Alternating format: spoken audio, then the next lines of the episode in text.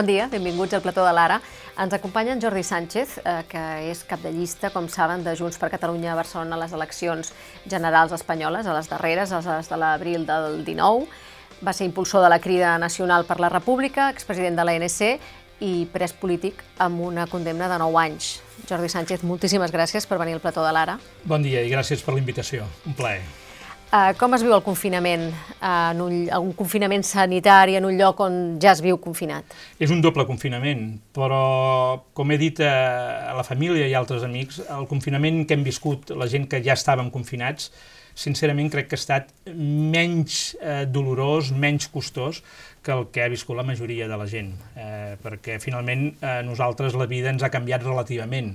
Hem tingut menys mobilitat en el centre penitenciari, hem quedat tancats en el mòdul, però les famílies eh, d'un dia per l'altre s'han vist tancades en pisos moltes vegades eh, en situacions de convivència no fàcils, altres amb unes limitacions d'espai i sobretot amb una pressió d'un entorn eh, també psicològic eh, de, donat les circumstàncies de la pandèmia que segur que molta gent, la majoria de gent ho ha patit d'una manera més, més intensa que en el nostre cas. No? Vostè s'explica per què no han passat el confinament a casa? No, no m'ho explico, per mi eh, és, és aigua passada, per tant tampoc tinc molt interès en donar-li gaires més voltes, no? Crec que va ser una oportunitat perduda, el que més greu em sap és que era una oportunitat per poder recuperar un entorn familiar que se'ns havia pres, que altres eh, interns a Catalunya, 2.000, eh, no, no estem parlant de 4, 2.000 interns van poder gaudir d'aquesta possibilitat d'estar amb, la, amb el seu entorn eh, familiar per passar el confinament i que molts tenien una situació penitenciària, de règim penitenciari, igual o pitjor que la nostra. Eh? Eh, no ho entenc, eh, però en qualsevol cas crec que hem de ser optimistes, mirar endavant, eh, ja ningú ens tornarà a poder estar amb l'entorn familiar, però segur que tenim altres oportunitats i hem de, hem de ser positius. L'horitzó en aquest moment suposo que és el canvi al tercer grau, que està a punt de revisar-se? Sí, toca, estem precisament ara eh, sobre la data, són sis mesos després de la classificació inicial, això va ser el desembre del 2019, per tant, ara, concretament, va ser el 21 de desembre, per tant, estem en, en plena revisió i, per tant, esperem que en les properes setmanes tinguem el coneixement de la decisió de la Junta de Tractament i jo estic convençut que serà eh, favorable a accedir al tercer grau, no com un tracte a favor, com alguns han volgut fer creure des del començament, sinó perquè és el que toca eh, d'una manera comparativa amb altres interns i amb l'evolució de la condemna i el comportament i amb la condemna ja eh, feta. Recordem-ho, en algun cas, eh, del Jordi Cuixart i en el meu, portem ja, ens apropem als mil dies eh, de presó i per tant eh, creiem que aquest és un element que segur tindrà molt de pes en la, en la revisió. Digui'm una cosa que s'aprèn en mil dies a la presó eh, ser tolerant amb un mateix. Eh? és, eh, sorprèn, però la, la, la presó eh, lògicament eh, t'obliga a adaptar-te a un entorn aparentment i d'entrada hostil, però sobretot eh, el que t'obliga és a, a, a conviure amb tu mateix, amb la solitud de la cel·la, encara que estiguis acompanyat amb un altre intern, i en 24 hores on tu no tens a ningú, no tens capacitat ni de comunicar de manera lliure amb la gent, tens 10 trucades eh, al mes, aquesta va ser la nostra entrada a la presó, i per tant eh, saber-te gestionar a tu mateix les teves eh, ànsies, eh, els teus neguits, les teves pors, les teves il·lusions, els teus sentiments, eh, les teves manies, eh, doncs eh, això no, no és fàcil. Però, bueno, ja que ho hem hagut de viure, doncs hem après a fer-ho, i mira, un intern em, em recordava, diu, això una mica és com quan fas una travessa, una persona que es dedicava mm -hmm. en el món de la navegació a fer una travessa llarga, doncs tu hi convius amb tu mateix, amb un veler, creuant l'Atlàntic, doncs aquí estàs tancat, no? No és el mateix perquè crec que amb un veler fins i tot tens més llibertat que en un centre penitenciari, de comunicar-te com a mínim, però, però aquest és un element clau. I després aprens una altra cosa molt important, que és que finalment eh, les persones que estan tancades a la presó, eh, per, eh, independentment del delicte que han fet, totes també tenen eh, la seva història, eh, la seva realitat, el seu entorn, els seus sentiments, les seves pors, eh, i finalment tots, tots els humans acabem tenint patrons similars que només en situacions molt adverses ens acabem, ens acabem eh, trobant. No? Eh, amb això no estic ni justificant eh, a les persones ni als possibles actes que hagin comès, però és evident que la presó anivella, eh, iguala eh, a la gent i et deixa bastant nu davant d'una realitat, d'una convivència, independentment de la trajectòria del passat que t'hagi portat eh, a ser un intern en un centre penitenciari. Parlem de política. Quina anàlisi fa, quin balanç fa de la gestió política del Covid a Catalunya? Com tots els governs, crec que la Generalitat eh, s'ha esforçat, i ha dedicat hores i hores a la imatge del president confinat a, a, a la casa dels canonges i estant al peu del canó, jo crec que és una imatge molt, molt potent en aquest sentit, però també és cert que el govern de la Generalitat, com tots els governs, eh, no va estar prou atent eh, a una situació que venia que ara tothom té clar que venia, però que en aquell moment molta gent eh, no va donar prou importància a alguns indicadors que tenien. No? I després eh, crec que s'ha intentat eh, no renunciar a la gestió del que teníem, però s'ha patit molt amb la manca de competències i és evident que eh, l'actuació del govern espanyol i de la majoria parlamentària a les Corts Espanyoles amb, amb l'acompanyament que s'ha fet en la gestió de l'estat d'alarma ha posat al descobert d'una manera molt crua una voluntat eh, centralitzadora, una manca de confiança amb això que en diuen l'estat de les autonomies i eh, això eh, ha passat factura. I aquest passar factura jo crec que també ha repercutit negativament amb, amb l'acció de govern, perquè és molt difícil governar quan no tens els recursos ni normatius ni econòmics per fer el que creus que, que caldria fer. Um, en temes d'ensenyament, de, que vostè és especialment curós amb aquests temes, creu que el retorn a l'escola s'ha fet prou bé? Crec que el retorn a l'escola no s'ha produït. Ara s'han obert les escoles, però el retorn no s'ha fet i la prova està que moltes famílies han continuat eh, eh, tenint els seus fills eh, en el domicili i no portant-los en aquest inici d'obertura.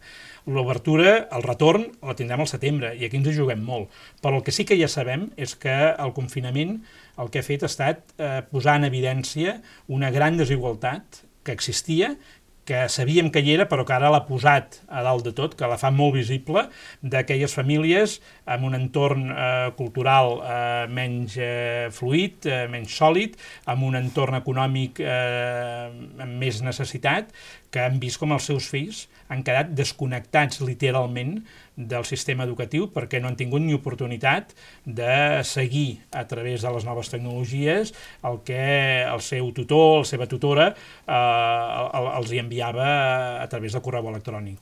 I crec que eh, la, aquest risc de trencament, de fractura digital, que sabem que existeix, que s'ha teoritzat i que s'ha escrit, eh, s'ha fet molt visible i que hauria de ser la màxima prioritat no només d'un departament, sinó del conjunt del govern, perquè un país que al segle XXI entra amb una fractura tan marcada en els seus eh, nois i noies en edat escolar en l'accés a les noves tecnologies, segur que és un país que arrossegarà aquesta fractura en les futures eh, dècades i l'hem de combatre eh, sense cap tipus d'estalvi de, de, ni, ni de voluntats eh, per revertir-ho. Vostè parlava de les limitacions de competències i econòmiques, però s'està exprement la capacitat gestora de la Generalitat? No sé si el que em vol dir si hem fet tot el que tocaria fer en aquest país de governar. Uh, miri, li diré molt clar. Hi ha ciutadans que diuen sempre es posa l'excusa, la culpa és de Madrid. Jo crec que això no és una excusa. És a dir, eh, no és un tema de culpa, és un tema objectiu. Què ha passat a l'estat espanyol des del mes de març fins ara? Doncs que eh, de la nit al dia eh, tota, o una part important del que era la construcció de l'estat de les autonomies, deixant al marge ja el 155 i el que nosaltres vàrem viure a la tardor del 2017, eh, s'ha desfet perquè s'ha cregut des de les institucions centrals de l'Estat que davant determinades situacions era molt més eficaç i molt més eh, segur i, i construïa molt millor un imaginari col·lectiu, recentralitzar competències. Hem vist com un Ministeri de Sanitat amb competències molt limitades uh -huh. acabava tenint el comandament únic en la gestió de la pandèmia. Un model radicalment diferent al que ha passat a Alemanya per exemple, eh? on hi ha hagut una confiança, hi ha una confiança entre els estats eh, de la federació i que ha permès, diguéssim, mantenir una, una activitat, digui-li vostè, de subsidiarietat, o com eh, li vulguem anomenar, mm. de confiança amb les administracions, que també són estat, però que tenen, un, en el nostre cas, major proximitat amb la ciutadania, i dos, una major experiència perquè són qui han vingut gestionant des de fa dècades, eh, per exemple, temes sanitaris. Eh, per tant, no és una excusa. Eh? Eh, no és una excusa. Ara, també és cert que eh, el fet de que hi hagi hagut aquesta actitud, aquesta recentralització permanent des del mes de març eh, fins ara per part del govern espanyol, uh mhm. -huh. no pot ser eh, un amagatall per no fer front a les responsabilitats eh, que com a govern eh, de Catalunya es tenia. I crec que en línies generals no s'ha fet. És a dir, no s'ha fet, eh, no s'ha deixat de fer, eh, per dir-ho d'una altra manera més, més, eh, més entenedora, uh -huh. no s'ha deixat de fer una acció responsable en cada un dels fronts. És veritat que en alguns hi han hagut problemes importants i que caldrà esbrinar-ho. És eh, dramàtic el tema de les residències. I a mi no em val que a altres indrets i altres països ha passat. Eh?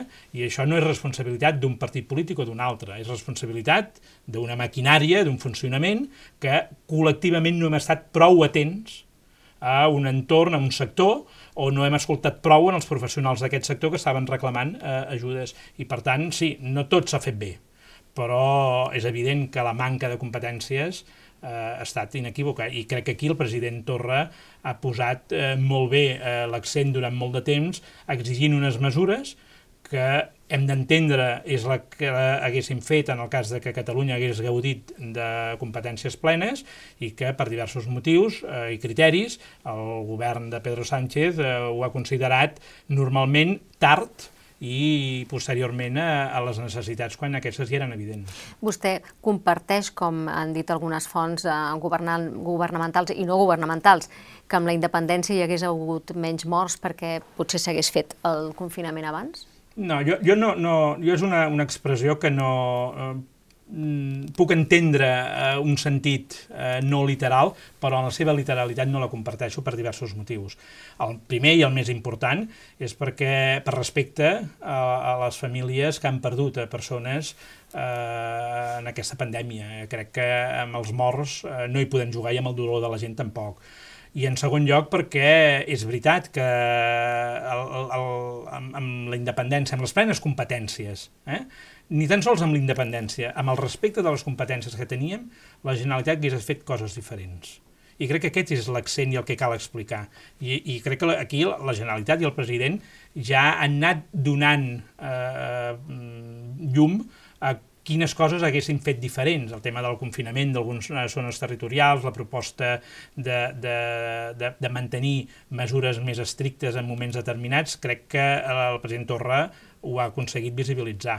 Però d'afirmar això, a deduir que això ens portaria a un escenari de menys mortaldat, no ho sé. És un escenari futurible que mai el podrem comprovar, i com que mai el podrem comprovar i estem parlant de temes molt sensibles, jo crec que és millor no, no, no entrar-hi. Tot i així, crec que la literalitat d'aquesta expressió que ha circulat en molts llocs no és atribuïble a, a, a cap eh, persona, de, diguéssim, del, del, del govern. Eh? És veritat que ha circulat per lo que he anat veient, no? Però en qualsevol cas aquesta és una polèmica que, com que està sobre la taula, no l'evito. Jo crec que no podem especular amb, amb, amb els morts de cap de les maneres. El Tribunal Suprem ja ha marcat una data per la vista eh, que afecta el president de la Generalitat, el president Quim Torra, i d'alguna manera està ja amb un compte enrere. Uh, vostès és partidari d'esperar la sentència? De... Què li recomanaria? Si el president Torra avui li digués és obvi que el vot el té ell, si li preguntés quan he de convocar eleccions, quan li recomanaria que les convoqués? Jo crec que el president Torra eh, té ben fixat un criteri que és, ara el prioritari és garantir la sortida eh, adequada eh, de l'estat d'alarma, de la pandèmia, i aquí fa poca estona em parlàveu del retorn a les aules, a les escoles, mm -hmm que és una data molt concreta, que és, eh, em sembla que és enguany el 14 de setembre, si la memòria no, no, no, no em falla. No? Eh, I poso aquest exemple, en podem tenir d'altres. Jo què li recomanaria? Jo crec que el que està fixant en aquests moments, per mi és un bon full de ruta. És dir, la prioritat quina és? Creem les bases i la tranquil·litat necessària per poder sortir. Ja sabem que hi haurà eleccions i tots sabem que les eleccions es produiran, no ho sabem ara, ja fa temps, al voltant de la tardor-hivern del 2020-2021. Eh, tot el debat que hi ha és un debat d'interès legítim, però bàsicament d'interès polític electoral. I s'utilitza l'exigència de saber eleccions eh, com un element de desgast de l'adversari polític i forma part de la normalitat política. Vull dir, no, no, no, no, no, no em mostro allò estranyat de dir què s'està fent, però crec que la prioritat en aquests moments no és entrar en aquest debat i posar el focus en això, sinó posar el focus en la resposta que cal donar. Tenim situacions eh, complicades que re requeriran efectivament una nova fotografia electoral. Per tant, tothom és molt conscient, i crec que el president Torra ho ha dit molt clar, de que unes noves eleccions són imprescindibles per garantir una bona embranzida quan sortim d'aquest escenari immediat i plantejar la recuperació econòmica i mantenir el pols eh, per guanyar el que hem començat en aquest procés cap a la independència i intentar-lo culminar. Per això eh, crec que en aquests moments no seria, en la meva opinió, jo partidari de plantejar una convocatòria immediata eh, d'eleccions eh, tot just a, a mitjans finals de setembre, perquè això dificultaria enormement consolidar la resposta de la Generalitat com a govern de Catalunya a la sortida de l'estat d'alarma amb garanties eh, per, poder, per poder donar resposta als sectors socials eh, i econòmics del país. I aquí diu, però, especialment des d'Esquerra, que això permetria posar les estratègies al damunt de la taula però és que les estratègies jo crec que ja hi han de ser-hi sobre la taula. És a dir, una altra cosa és que tu tard o d'hora sortiràs eh, amb una convocatòria electoral. Fixis que estem parlant, és una discussió, estem parlant de què? De mesos, eh, dos, tres, quatre mesos de diferència entre setembre i desembre, eh, gener, a tot estirar en què es pugui produir una convocatòria electoral. Eh, per tant, eh, ja fa un any, jo recordo a l'agost de l'any passat, on el tema electoral va agafar un protagonisme mm. perquè hi havia pressa, hi havia urgència. Escolti'm, eh, jo, i cal anar a la maroteca, he estat des del primer moment partidari de que les legislatures, ho ha estat sempre, eh, s'han d'intentar esgotar. Quan al gener del 2018 algunes veus hi apuntaven hem d'anar a noves eleccions, jo des de la, la, la presó de Sota del Real defensava hem d'intentar eh, fer govern i governar i acabar la legislatura. Eh, és obvi que la legislatura, per la situació fonamentalment que es deriva de la sentència del Tribunal Suprem, probablement no s'acabarà perquè probablement eh, el president Torra serà inhabilitat. Eh? però i aquí sí que clarament marcarà un abans i un després i això precipitarà tot. No? La convocatòria, fer-la abans, mm, crec que si no hi hagués hagut la pandèmia, eh, probablement tindria sentit però crec que en aquests moments les prioritats són unes altres i crec que val la pena fer un últim esforç per eh, posar bé els fonaments, repeteixo, fer que les coses bàsiques puguin rutllar eh, i ens orientem ja amb unes eleccions a la tardor-hivern i després, efectivament, sobre la taula, amb el que la ciutadania hagi decidit, doncs que les noves majories parlamentàries tinguin el mandat eh, actualitzat per, eh, per seguir, seguir construint el país i, i donant suport a la represa social i econòmica de la, del país. Vostè veu unes majories molt diferents a les actuals? Guanyi qui guanyi les eleccions? Vull dir que probablement vostès s'hauran d'entendre amb els seus socis que alhora són els seus adversaris. Crec que la fotografia no variarà amb excés. Eh, què vol dir no variarà amb excés? Clar que hi haurà eh, modificació d'escons i alguns partits eh, tindran una, una baixada significativa, eh, d'acord amb les enquestes, eh? i altres eh, creixeran una miqueta, però la, la, la fotografia global ens donarà un Parlament de Catalunya que no serà molt diferent a l'actual en el sentit de que hi haurà una fragmentació, on hi hauran tres, quatre partits que estaran eh, per sobre dels 15 diputats, i després hi haurà tres o quatre partits més que estaran per sota d'aquest nombre d'escons. Per tant, cap partit s'aproparà a la majoria absoluta i, per tant, efectivament, el que ja hem de tenir clar hores d'ara és que la propera legislatura, com ja en portem unes quantes, serà una legislatura de pacte, d'acord, de consens. I aquí és on l'independentisme hem de demostrar el que hem demostrat no prou bé aquests últims anys, que tenim una capacitat dintre de la pluralitat d'entendre'ns i acordar. I acordar per governar, i acordar per seguir el camí que vam iniciar a, a la tardor del 2017. I aquí crec que és un element important que en el cas eh, nostre eh, marca molt. Nosaltres, la majoria de la nostra gent, eh, té molt clar que l'escenari del 2017 no és un escenari a oblidar, és un escenari que cal eh, llegir, que cal rellegir, que cal actualitzar, però que ens dona sentit en una continuïtat. Estem en un procés, el procés d'independència ja es va iniciar, no s'ha aturat, no s'ha aconseguit la independència, però aquest relat de que el procés s'ha acabat, de que el 2017 l'hem d'oblidar, crec que no forma part de l'imaginari de molta gent que l'1 d'octubre va sortir a votar. L'haurem d'actualitzar, l'haurem de rellegir, però eh, la pregunta és, creiem que estem encara en aquest procés o no? Eh, la meva resposta és sí, estem en el procés, i evidentment eh, falta, no sabem quan, és incert, eh, ningú va dir que seria fàcil, però hem de continuar. I en el mentrestant hem de governar. I aquest és l'altre element fonamental. Governar per demostrar el país que volem construir. Ja sabem que Generalitat i República no són el mateix. Ja sabem que la República és l'horitzó. Però la Generalitat, malmesa d'una manera molt evident pel govern de l'Estat, des de fa ja un, un quant temps i per les institucions de l'Estat, començant amb el 155 i ara amb la pandèmia, el govern de la Generalitat ha de poder demostrar quin és el país que, que volem i, per tant, hem de governar. I com es convenç els ciutadans que es pot rellegir, es pot actualitzar, si vostès, els, les forces principals independentistes, no van amb una estratègia comuna a Madrid? no, aquest és un, un dels elements que efectivament hem de revisar tots. I això no, jo no vull situar la culpa si la té el soci o la té Junts per Catalunya o la té Esquerra Republicana o la CUP.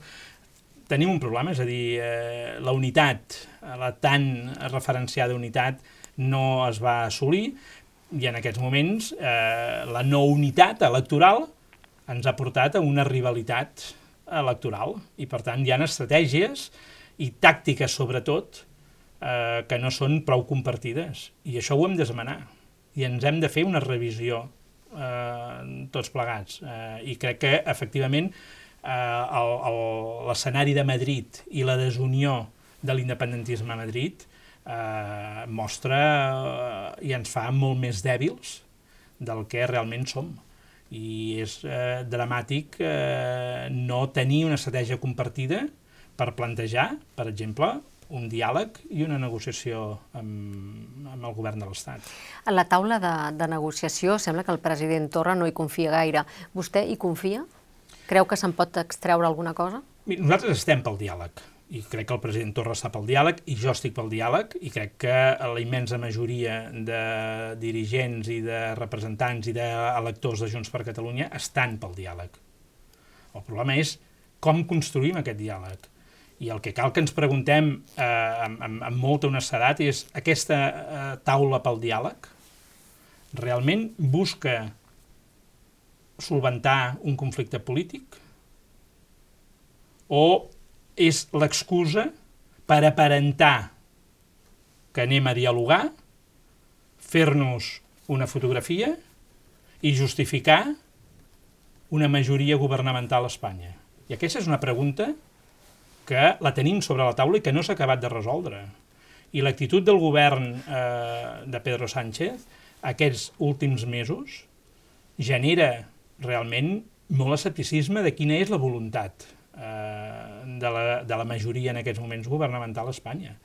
Eh, clar que el diàleg és imprescindible i nosaltres no deixarem d'estar mai en una taula pel diàleg, però cal respondre a si realment es vol un diàleg per abordar un problema polític, intentar resoldre'l, o es vol un diàleg per eh, aparentar que s'està dialogant sense anar al fons. A mi em costa molt imaginar com un conflicte polític es pot abordar amb un diàleg quan no hi ha mètode, quan no hi ha una agenda, quan no hi ha hagut un treball dels equips eh, que no es veuen, que no surten a la foto, uh -huh. per preparar aquest diàleg. I jo en aquest punt eh, em mostro enormement crític. Crec que alguns han frivolitzat excessivament amb el diàleg. Jo hagués preferit, en el seu moment, un acord per preparar unes bases per un diàleg, amb menys fotografies i molt més efectius, d'equips de persones que no estiguessin sotmeses a una pressió política o mediàtica, que haguessin pogut preparar eh, professionalment eh, fins i tot una agenda, un mètode de treball, uns objectius, fixar uns acords i uns desacords perquè després es pogués abordar d'una manera més pública. Això no ha estat així. Malament està una mesa que surt ja molt condicionada per la urgència d'una eh, fotografia d'una imatge. I crec que en aquests moments el senyor Pedro Sánchez especula. I especula amb el diàleg per dividir l'independentisme. Vam sentir aquesta mateixa setmana eh, la senyora Calvo dient, escolti'm, nosaltres convocarem la taula però els independentistes s'han d'aclarir. Escolti'm, ens hem d'aclarir per en base a una proposta que el govern d'Espanya ha de fer. De què ha de servir la mesa de diàleg? Encara no, no està clar de què ha de servir.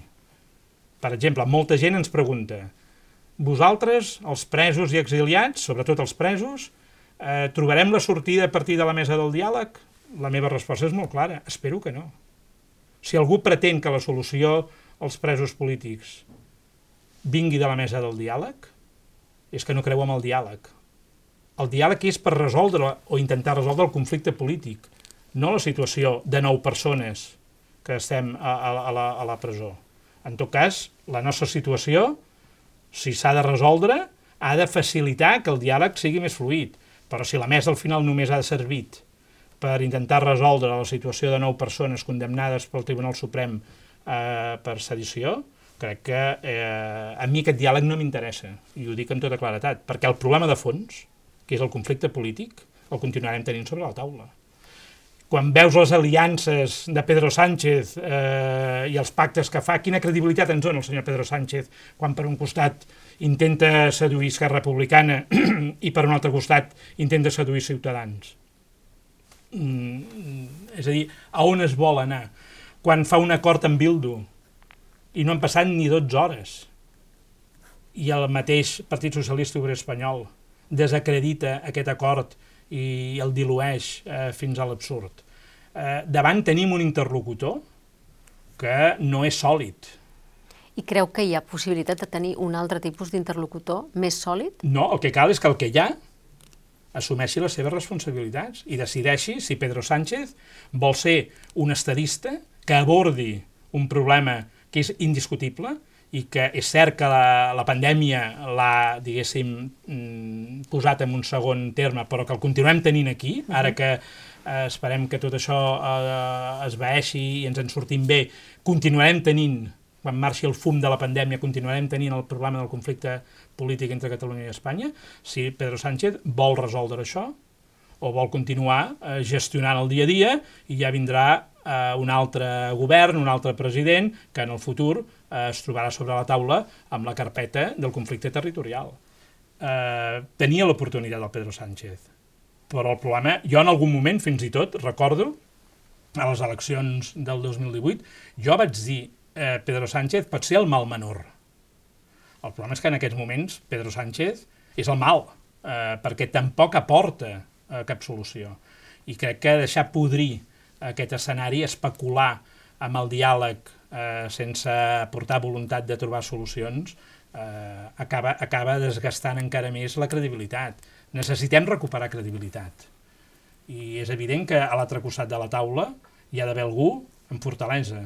A mi m'agradaria un Pedro Sánchez amb fortalesa suficient i amb voluntat de trobar solucions, en posicions, si es vol, dures, però amb voluntat de solventar-ho. No veig aquest personatge. Veiem una persona eh, que un dia et diu una cosa, el dia següent et diu la contrària i que no saps realment si l'únic que pretén és eh, que dia passa any empeny i anar perpetuant-se en la Moncloa eh, com a president del govern fent pactes eh, contra natura en, en, en funció de les situacions amb les que, amb les que es troba. L'independentisme, de tota manera, ho posa fàcil.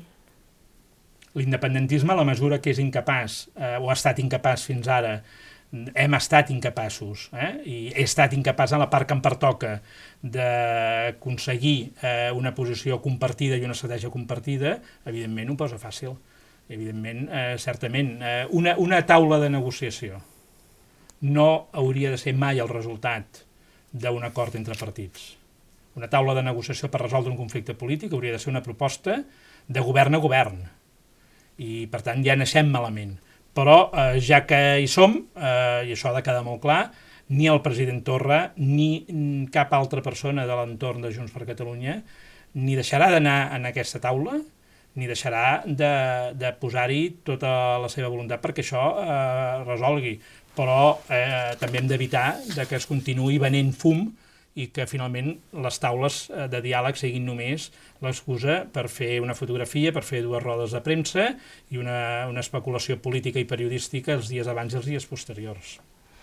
Ah, hem parlat d'eleccions, però el seu espai polític està per reordenar.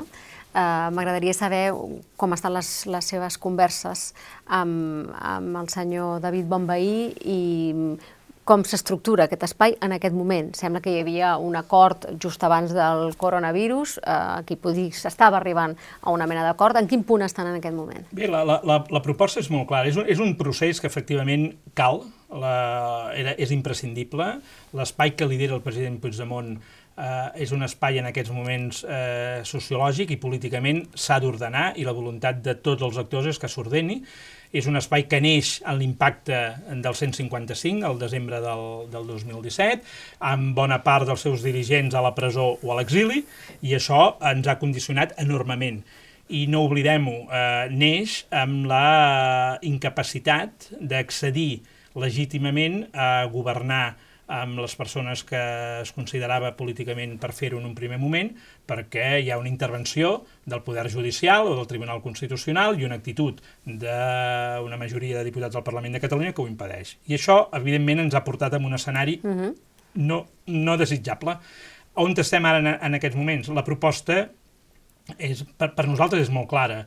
És l'oportunitat de reordenar un espai polític que es reivindica eh, hereu eh, d'una part important de l'1 d'octubre, que vol mantenir aquest esperit, que vol no defallir en el camí cap a la construcció de la independència i que ho vol fer a partir d'eines noves, d'un nou partit que tingui capacitat de recollir una transversalitat, una transversalitat que representi la centralitat del país, un nou partit que aspira a ser majoritari en la societat catalana, i que creiem que ho pot ser-ho, que aspira, per tant, a governar i que aspira recollint i reconeixent la trajectòria o una part de la trajectòria del catalanisme polític que posteriorment es passa a l'independentisme, però trencant fronteres establertes o preestablertes de partits existents. Eh, sense cap veto a cap persona, però també sense cap quota ni dret adquirit perquè és el moment de la generositat. I crec que aquesta generositat a la gent eh, que fa temps que està militant en partits polítics ja s'ha vist i s'ha demostrat que és possible, quan s'ha vist i s'ha demostrat ha donat bons resultats, el que cal ara és continuar treballant en aquesta direcció. Per tant, concretem, vostè el que proposa és que el PDeCAT es dilueixi dins de la crida. No, no, no, en absolut, en absolut. Això és eh, una, una, una imatge que s'ha volgut vendre. No és un, un debat eh, PDeCAT crida, és un debat de dir anem a fer una nova organització. Una nova organització on la crida d'entrada és una associació, no és un partit polític en aquests moments. Eh? Per tant, la crida no és qui en aquests moments ha d'encapçalar. Eh? En el futur ja veurem què passarà, eh? però en aquests moments no, no és la proposta de dia de ser la crida. La proposta és, escolta'm, aquí hi ha un capital humà i sobretot una gent que ha fet confiança a Junts per Catalunya, que eh, té dret a ser articulada a partir d'una proposta política. I el paraigua, un partit... el paraigua com es diu? No té nom, perquè si tingués nom, en aquests moments, ja estaríem donant una solució des de entre cometes, els lideratges i creiem que el nom i eh, la decisió dels nous lideratges, tant en l'espai orgànic, a l'espai de partit, com a l'espai electoral, han de ser i seran amb tota certesa, acordats per la militància. I això amb el president Puigdemont ho hem parlat infinitat de vegades. Tenim molt clar que els futurs cartells electorals, i no només els cartells, sinó les persones que s'incorporin a les llistes electorals, ho seran per decisió de la militància a partir de processos democràtics amb garanties. Que la direcció d'aquest nou partit serà exactament igual. Eh, la vella política que tan sovint es parla, eh, també ha tingut una incidència en el món de l'independentisme a mantenir quotes, a mantenir eh, direccions que prenen decisions. La voluntat és dir, atrevim-nos a fer un espai diferent amb els nous temps, democràtic, però una direcció que ordeni un espai que efectivament en aquests moments necessita no. presentar-se de manera diferent com ho ha fet aquests últims anys. Però des del PDeCAT diuen que volen un reconeixement com a PDeCAT. Com es pot fer aquest reconeixement? Clar, jo no parlaré en nom del PDeCAT, eh? i en tot cas... Però sí que té que... converses amb el PDeCAT i sap sí, que però... fins on està disposat a, a reconèixer el sí, PDeCAT. Sí, però vostè comprendrà que de les converses jo intentaré mantenir eh, tota la discreció, precisament perquè crec que és la manera d'arribar a bon port. Per tant, eh, notícies que han aparegut en diversos mitjans de comunicació, poden ser interessades de part, poden ser filtracions, poden ser intoxicacions, per tant jo no, no especularé sobre això. Crec que el respecte, en aquest cas, eh, en, en, en els interlocutors, eh, han de fer que jo no, no interpreti, no parli sobre posicions eh, que apareixen en els mitjans de comunicació. Dit això, és evident que hi ha un reconeixement que es pot fer, eh, no que es pot fer, que s'ha de fer a tota una tradició del nacionalisme polític, del catalanisme polític, que pot representar en aquests moments una part d'ella al PDeCAT. No, no es tracta de fer tàbula rasa del passat. El que es tracta és de saber les limitacions que tots tenim com a espais organitzats i les oportunitats que ens venen de futur.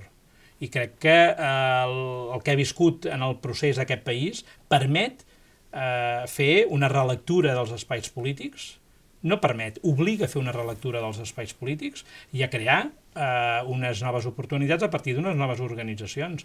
Cal posar al dia, i una manera de posar al dia és fer una nova organització. El, el pal de paller d'aquesta nova organització, per dir-ho d'alguna manera, és el Junts per Cat, que neix en aquest moment que vostè s'hi referia fa un moment, doncs el 155 i el 2017. I Junts per Cat eh, té molts independents i és ideològicament bastant divers. Aleshores, aquesta nova eh, formació, ideològicament, en l'eix dret-esquerra, eh, com es defineix? Jo diria que l'eix dreta-esquerra, i ara me n'aniria a alguns eh, filòsofs eh, de la ciència política, Norberto Bobbio, mm. eh, són eixos que serveixen per fer categories, però que al final eh, són poc funcionals. Eh? És a dir, esquerra-dreta, què vol dir avui ser esquerra, què vol dir avui ser dreta?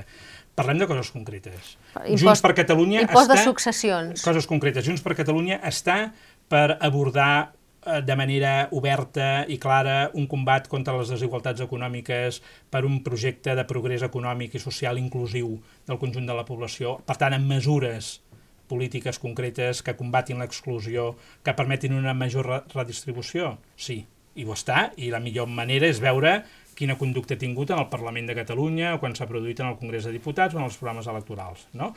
Malgrat tot, per no defugir la pregunta eh, dreta-esquerra, és indubtable que aspirem a donar una resposta a les necessitats del moment i la tradició política ubica a que eh, un espai ampli pot anar des de l'esquerra, una esquerra democràtica, socialdemòcrata, compromesa amb uns poders i uns serveis públics forts i ben dotats que donguin resposta, com ara hem vist quan toca a les demandes de la població per combatre el que eh, la gent a títol personal o privat eh, no pot fer-ho, i a la vegada ser respectuós amb una llibertat, amb una capacitat d'iniciativa social i privada, que és la dinamització del país, la col·laboració sector públic, sector privat, no descobrirem res de nou. Eh, eh, Junts per Catalunya, aquest espai que lidera el president Puigdemont, aspira a ocupar un espai central en l'electorat i tots sabem que la centralitat eh, social del país representa també en els seus dirigents. No som rars en aquest sentit i, per tant, estem ubicats on està la majoria, que és en un espai de posicions progressistes, en aquests moments molt preocupats pel tema de les desigualtats eh, socials i eh, molt compromesos amb la voluntat de que aquest país pugui evolucionar amb un major progrés econòmic. Quin paper jugarà el president Puigdemont? eh, tocaria dir el que hi vulgui i ell ho sap que jugarà el que hi vulgui. Jo crec que el president Puigdemont, eh, ironies a part, està absolutament compromès de liderar aquest espai eh, polític amb tota la força que té i malgrat eh, la distància física que l'obliga la situació política del seu exili, eh, la seva presència i quotidianitat en el dia a dia és, és molt gran i des de que ha accedit a l'escó al Parlament Europeu encara més. Per tant, ell liderarà i està absolutament compromès amb ajudar a construir eh, aquest espai de manera, de manera sòlida i, i, i democràtica amb la decisió de les bases. Um, en aquest procés, vostè creu que el, el votant tradicional uh, convergent uh, s'hi sentiria apel·lat? No en tinc cap dubte, estem parlant, el, el votant tradicional convergent hauria de preguntar de quin moment, de quina època, perquè clar, Convergència havia estat... Ja no li he dit Convergència i Unió. Eh, convergent, d'acord, no. he dit convergent. convergent. Eh, no en tinc cap mena de dubte. Eh, igual que també diria el votant, és a dir, tot aquell, aquell votant que creu que aquest país té possibilitats de guanyar-se el reconeixement com a estat i que gràcies a aquest reconeixement com a estat podem construir molt millor una societat eh, cohesionada i un progrés econòmic amb resposta i solidaritat amb el nostre entorn, tant eh, europeu com eh, la resta de continents, és indubtable que es pot sentir identificat, eh, que s'hi sentirà identificat amb aquest espai. Per què? Perquè no deixem de connectar amb una tradició d'una ciutadania que en algunes eleccions ha votat Convergència i Unió, que en altres eleccions ha votat Esquerra Republicana, que en altres eleccions ha votat Iniciativa per Catalunya o fins i tot que va votar el SUC, i parlo ja de fa anys, o el Partit dels Socialistes. Només cal veure les enquestes. Eh? El, el nostre votant, el votant de Junts per Catalunya, en totes les enquestes del CEO eh, i d'altres que, que, que s'han fet, eh, té eh, una procedència d'un bagatge que abarca, eh, diguéssim, eh, tradicions polítiques eh, diferents i plurals. I això es pot conviure, i es pot conviure perfectament perquè les respostes que necessitem com a país, necessàriament abans parlàvem de la necessitat de, de, de buscar una, una legislatura d'acords on el diàleg serà molt important, doncs aquests mateixos acords eh, s'han de construir a l'interior d'un espai polític no és necessari en aquests moments tenir una oferta tancada, dogmàtica, eh, sinó eh, oberta, transversal, perquè les certeses polítiques no són úniques. I la tradició política que en aquests moments aglutina al voltant d'aquest espai que és Junts per Catalunya és eh, necessàriament plural. I ens hem pogut entendre. I també li diré, hi poden haver algunes situacions, alguns casos, on eh, es pugui donar llibertat de vot en els diputats aquest és un altre element de debat democràtic molt interessant. Per què els diputats escollits tots han d'actuar de manera uniforme quan hi ha molts temes que apel·len a la consciència o a l'ètica de cada persona que, que, que vota? eh, i on són temes que no són centrals, que no són neuràlgics, no? I per tant, en aquest sentit, hem de, hem de ser conscients de que eh, no passa res amb gestionar la pluralitat. N'hem d'aprendre, és veritat, però gestionar la pluralitat ens fa molt més rics com a opció política que plantejar un tancament ideològic d'espais eh, limitats entre ells. Qui seria el seu candidat? Calvet, Borràs, Puigneró, Madrenes, Artadi? Podria seguir dient noms perquè n'hi ha molts més. Canadell? eh, no, no és un debat que en aquests moments eh, a mi personalment eh, m'interessi. Jo crec que hi ha aquests noms, en podríem afegir d'altres, crec que tots ells eh, tenen oportunitats i tenen qualitats i que finalment la decisió de qui és la persona que encapçalarà la proposta per ser presidenta o president de la Generalitat ho hauran de decidir eh, els militants. Eh, I en aquest sentit jo no, no, no entro en cap especulació per molts motius, però el més important és perquè crec que molts d'aquests noms eh, són utilitzats eh, per altres persones fins i tot que no tenen interessos en l'espai polític simplement per intentar desgastar. Escolti'm, el que tenim és un equip, el que hem de fer és un equip. Els lideratges eh, personals són importants, nosaltres en tenim un indiscutible, que és el del president Puigdemont, però eh, els requisits dels nous temps és donar solucions d'equip. I els lideratges personals individuals els tenim forts. El que cal és tenir un equip que tingui capacitat de respondre, que tingui solvència contrastada i que vulgui dedicar uns anys de la seva vida a gestionar eh, espai eh, públic amb un objectiu que no és gens fàcil ni, com sabem, a vegades exempt de risc, com és intentar portar aquest país a la independència. Aquesta és l'aposta que crec que haurem de fer servir per escollir els homes i les dones que hauran de representar-nos. I tenen vostès temps material per fer aquest, uh, aquest debat intel·lectual, ideològic, abans de les eleccions? No l'acabarem, primer perquè no és un debat que es pugui culminar eh, en algun moment. Aquests, el, el bon debat intel·lectual mai acaba. Eh? Sí, però, és permanent. Sí, però, però hi ha d'haver un marc. Aquest marc hi serà, indubtablement hi serà i, i si no hi serà, diguéssim, a finals de juliol, estarà al mes de setembre, però arribarem amb una proposta eh, política, orgànica, organitzativa i una proposta sobretot de govern per la ciutadania. Jo crec que el que hem de demostrar és, a partir de l'acció de govern, a partir de l'obra de govern, a partir de la proposta política que presentem, quin és el país de la república que aspirem sabent que entre, com deia abans, entre el govern de la Generalitat i la República hi ha un gap, hi ha una distància, una cosa és la que volem, l'altra és la que tenim, hem de saber aprofitar el que tenim per intentar consolidar i avançar cap a allò que volem. I aquest jo crec que és el repte dels propers anys.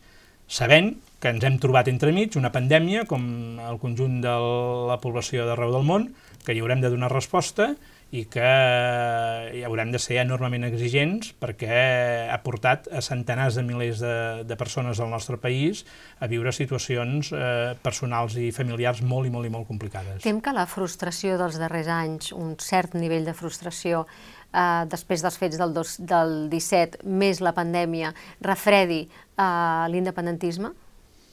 No, les enquestes no diuen això. Les enquestes continuen eh, donant-nos, eh, i les enquestes serveixen per, per conèixer eh, en gran part eh, això tan gran que és una, una societat, les enquestes segueixen donant-nos una posició al voltant entre el 45 i el 50% de la població favorable de la independència i en cas fins i tot d'un referèndum per sobre del 50%. Per tant, jo crec que no hi ha aquest refredament.